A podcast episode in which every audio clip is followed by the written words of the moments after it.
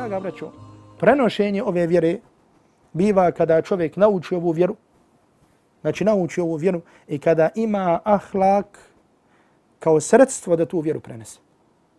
Znači uzmite kada su u pitanju dunjalučke stvari, da čovjek kao trgovac ima ne znam kakvu ti robu, međutim čovjek nema lijepo ponašanje. Hoće li ljudi dolaz kod njega i kupovati to ono što on posjeduje? Možda hoće, možda ako su nuždi, možda ovo, međutim neće privlačiti ljude. Čovjek da ima restoran, da ne znam na kakvo mjesto, međutim da je čovjek drzak, da je čovjek osor. Hoće li privući muštarije? Neće privući muštarije. Tako isto, a još je veće i bitnije, znači čovjek koji ljudima prenosi vjeru.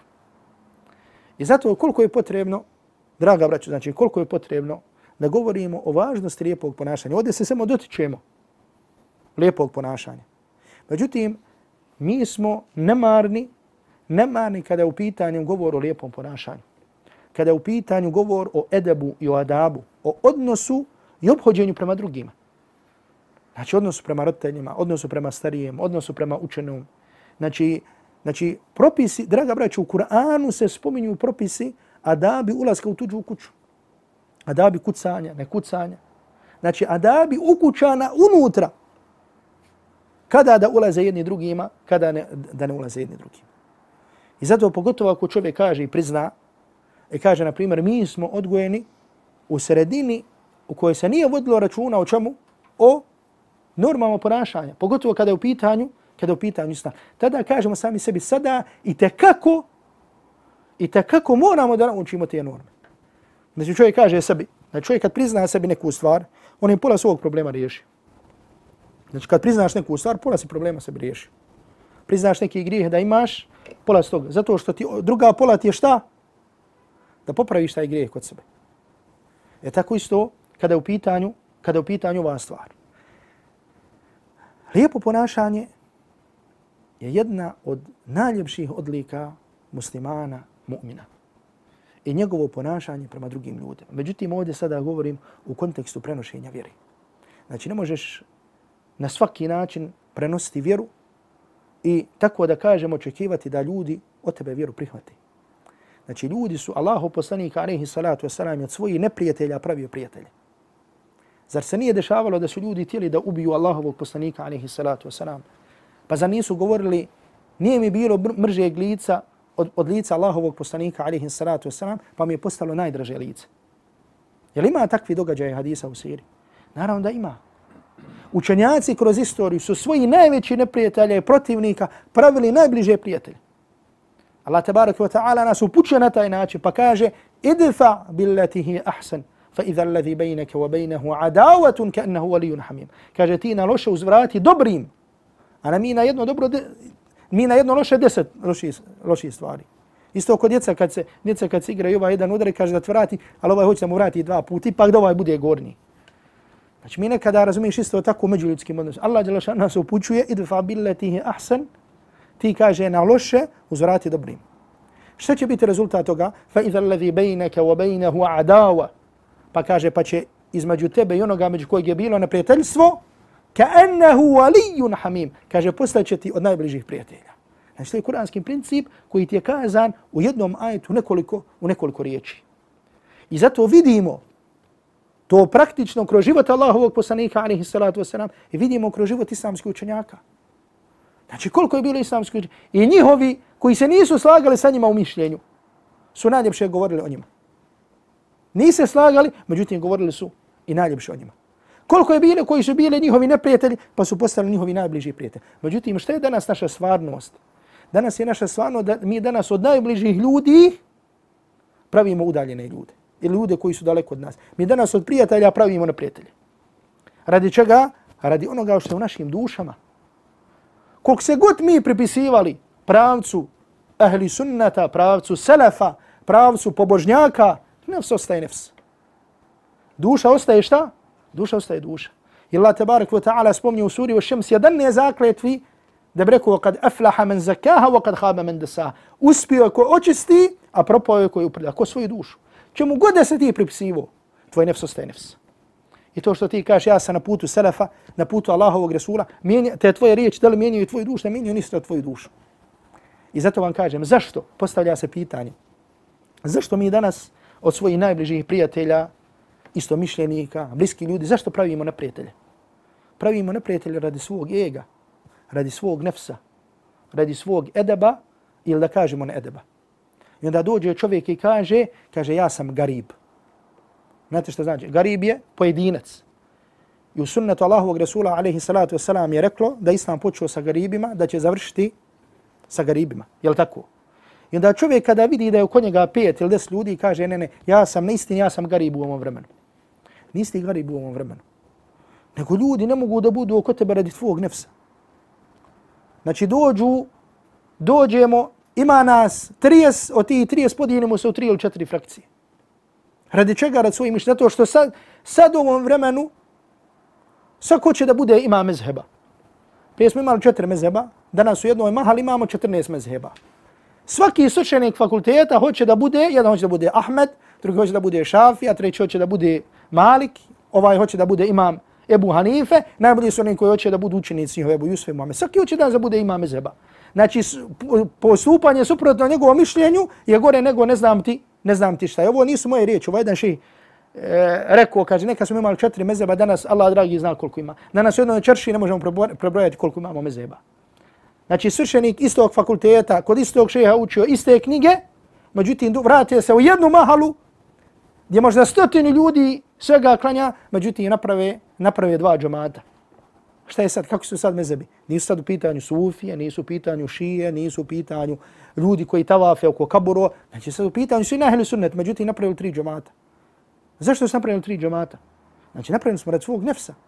Zato što svako hoće da se pita, zato što svako hoće da mu se ljubi ruka, ne možda ono bukvalno, da mu se, znači, ko što ni, znači, da dine svog šeha da uzme baričeta od nje. Znači, to je naša stvarnost. Koliko ja go, ko, ko, nekome će se sviti, nekome se nije sviđa ovako otvoreno. Međutim, to je tako, znači, to je naša, to je naša stvarno. Radi čega je to tako? To je radi, radi našeg nefsa i radi našeg ega. Znači, Kur'an nas uči idfa billati hi ahsanu sayyi'a. Znači u nekim stvarima, u nekim stvarima, zamislite samo, zamislite samo, zamislite samo kako bi postupio Allahu poslanik alejhi salatu vesselam. Da naiđe na neki ezijet kojeg mi vidimo. Ili neću reći Allahu poslanik, zamislite na primjer, zamislite šehu Sejmina. Kako postupio šehu Sajmina, na primjer, neku neugodnost, na primjer, da, da naiđe na neku neugodnost sa sta, starijim džematlijom ili da naiđe sa nekim čovjekom na ulici. Kako postupio šehu Husaymin? Da ne kažem imam Ahmed. Znači imam Ahmed je bio imam u ahlaku. Ne samo u fiku. I zato sjećam se šehr Abdul Kadir, Arnaut, rahmatullahi alaih, kada je spominio jednog šeha, Kamila Qassaba, jer je to je bio imam Ahmed svog vremena u ahlaku. Gdje smo mi danas?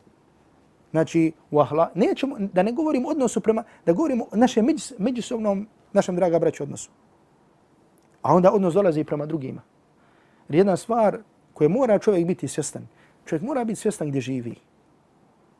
I vrijeme i mjesto u kojem živi. Znači, ne treba da živi u nekom nestvarnom svijetu. Ponekada naša druženja, koja su hajde druženja, i druženje, možda da kažem na društvenim mrežama, čini da mi živimo u nestvarnom svijetu. Zašto? Kako u nestvarnom svijetu? Koliko živi bošnjaka u Bosni i Hercegovini? Koliko je prilike bošnjaka? Dva miliona da kažem. Koliko procenata njih klanja? Šta mislite? Da kažemo koliko ih klanja i posti mjesec Ramazan.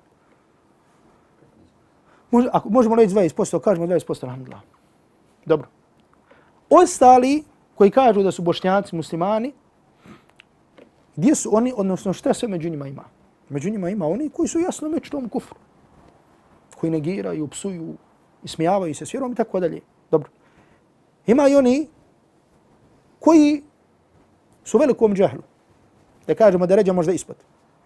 Ali nisu neprijatelji, ne ismijavaju se. Ima i oni koji su i koji srljaju velikim grijesima. U velikim grijesima da Allah tabarak wa ta'ala sačuva. Znači u grijesima radi koji su narodi uništavani. Pa onda da kažemo ljudi koji su i muslimani, koji su na namazu, koji su velikim grijesima. Jel tako? Pa onda da dodamo da tu ima i lice mjera koji žele zijet muslimanima. Pa hajde onda da dodamo još tu ljudi koji su nemuslimani. Znači mi smo ljudi koji smo, da kažemo tako, preživjeli genocid, jel tako? Međutim, nije, nije samo problem da tako se izrazimo što smo preživjeli genocid, nego ti isti koji su učinili genocid su još uvijek živi, još uvijek žive taj film i tu ideju. I žele opet da izvrše genocid nad nama. Jel tako? Pa imamo da, da kažemo kršćane, nemuslimane, koji žele da sazna istinu. Imamo obavezu i prema njima. I u svom tom svijetu u kojem mi živimo, mi naše živote, naše znanje, naše ponašanje svedemo da raspravljamo oko ove ili one mesele. I da radi ti stvari da kidamo da od 30, ako ima 30 omladne, da od 30 da napravimo šest džemata. A sedmi je još u glavama da se formira. Znači, to je naša stvarnost. Je li ovo ovako ili nije ovako? Je li ovo naša stvarnost u kojoj živimo? Je li imamo drugima koji ne znaju za Allaha, imamo li kakvu obavezu? Moramo da njima govorimo Allahu tabarek wa ta'ala da ih vratimo, da ih savjetujemo. Imamo li porodice, imamo li odgovornost za našu djecu? Znači da ja, alim, je onaj koji živi, koji živi probleme svog ummeta i svog vremena u kojem živi. Živi samo u životu ljudi, u životu jedne skupine. Znači, okupimo sad, okupimo se ovdje 10, 20, mi živimo svoj život i šta? Znači, živimo u svom svijetu. Znači, zato Allah se smilovao čovjeku koji spozna mjesto i vrijeme u kojem živi. Međutim, ono što je bolno, znači što spominjemo ovdje i mislim da ima veze i kontekst u kojem ga spominjem. Znači, nije problem da imamo različita mišljenja. I zato sam im običaj da kažem i kažem, muslimani su živjeli i zajedno živjeli i zajedno branili jedni druge i zajedno i zajedno i zajedno, među njima je bilo ovaj Hanefija, ovaj Šafija, ovaj Malikija, ovaj Hanbelija, u stvari nije bilo razlike među njima. A danas šta imamo? Danas imamo ljude, jedan mezheb, jedan menheđ, jedan fakultet, jedna akida, iste knjige, pa jedan pored drugog prolaze i ne selami se. Ovo nije proveličavanje. Ovo nije proveličavanje. Znači, naćite toliko svršenika fakulteta koji ne pričaju. Zašto? Znači, šta je ovdje problem? Znači, ovo, neko će reći, ovo je sad jedno kompleksno pitanje. Ne, ovo je pitanje jednostavno. Ovo je pitanje jednostavno. Znači, naši odnosi da pođemo od naših džemata u džamijama, pa do pitanja odnosa među učenim ljudima, pa da, znači, jednostavno sjedi sa sobom, zatvori se, zikri, spomni Allaha, očisti svoj nefs, stavi svoj ego pod svoje noge i bit će problemi riješeni. Znači, to je najveći problem ovog našeg vremena. Znači, kakve nam fajde da učimo sve ovo znanje ako nemamo edeba, ako nemamo ponašanje, ako Allah sa nama nije zadovoljan. Znači čitamo Bulugul Maram, sa kod vas nauči ovdje na pamet Bulugul Maram, naučimo Kur'an, naučimo Buhariju, naučimo Muslim, međutim izađemo, nemo, ne znamo se ponašati među ljudima. Kak, kak, kakva je korist toga? Ja se sjećam i sad ću završiti, sad ću završiti, znači ders koji, kojeg sam naučio i želim da ovdje prenesem s vama. Kad sam tek počeo da učim izučavam kerajete, počeo sam da učim, otišao sam kod šeha koji se zvao šeh Muhammed Šukajr. Još uvijek je živ.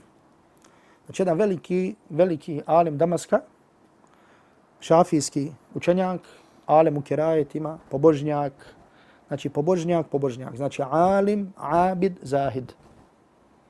I otišao sam sa nijetom da počnem da pred njim čitam komentar Šatibije. Prvi ders. Znači, sve to je bilo u džami Hasanu, on je bio imam džami Hasanu na Majdanu, Damasku. I, i također učenik je šeheh Kurejma. Došao sam kod njega, taj prvi ders, znači počeo da mi tumači Šatibi, to je dijelo od imama Šatibijske rajeta. Prvi ders, braćo, taj je zaplakuo. zaplakao. Nije bilo govora o pobožnosti, o grijesima, nego o krajetima. Međutim, zaplako. I kaže, znači pustio se, bio je čovjek pobožan. Kaže, kakve nam koristi? Kakve nam koristi? Sve ovo znanje da naučimo ako Allah nije zadovoljan sa nama. Kakve nam zna, kakve fajde nam da znamo kirajete, da znamo šatibiju ako Allah sa nama nije zadovoljan? Znači, kakvo nam znanje da znamo, ne znam, ako Allah nije zadovoljan? Znači, cilj znanja je da to sprovedemo u praksu. Znači, kakvo je znanje da ja sad izađem i sad ja ovdje sam se ufuruo da sam šeh, ja sad tumačim bulugul maram, mene sluša, kako se kaže, e, drž će ima toliko pregleda, ovo će ima toliko pregleda, međutim, kad izađem, ne znam kako da se ponašam prema svojim ukućanima, ne da kažem ljudima, da kažem, da kažem nekome ko mi, ko mi je neprijatelj, ko mi dođe, da u, u, u džamiju dođe, dođe ljudi. I zato vam skreće pažnju na ovo. Znači, u džamiju obratite pažnju prema starim džamatlama, Allah vas nagradio. Znači, zamislite da, da su to vaše dede. Zamislite da su to vaši očevi. Koliko nas ima možda očeve, dede. Volili, bi da, volili bismo da su džamijama, pa da su ne znam kako, što mi kažu, možda je ružan, ružan izraz da su ters, da su, da su ok. Čovjek 70 godina, 80 godina, ti Bog zna od čega boluje. Vruće, vrućina. I zasmeta mu, ne, razumiješ nešto, ti bi sad odmah, joj, vidiš šta mi je rekao. A bola, razumiješ, vrati to njegov osmijehom. Alhamdulillah, čovjek u džami u tim godinama dolazi u džamat. Hvala Allah. Gledaj da ga pohizmetiš. Kako da ga pohizmetiš. Gledaj kako da mu učini. Znači, kakvo, kakva draga vraća u svega ovoga, svega ovoga, ako se na kraju ne znamo ponašati kako treba.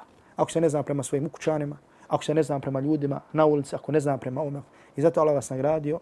Znači, gledajte, znači da vodimo računa ovim stvarima. I zato sve do čega možemo doći, ja sam imao namjer jednu knjigu da vidim da, da, da ako, možem, a, ako ima dovoljno primjeraka te knjige, da podijemo, da, da gledamo, da damo sebi zadatak jedno vrijeme, ona, jedan period da, da je svi pročitamo.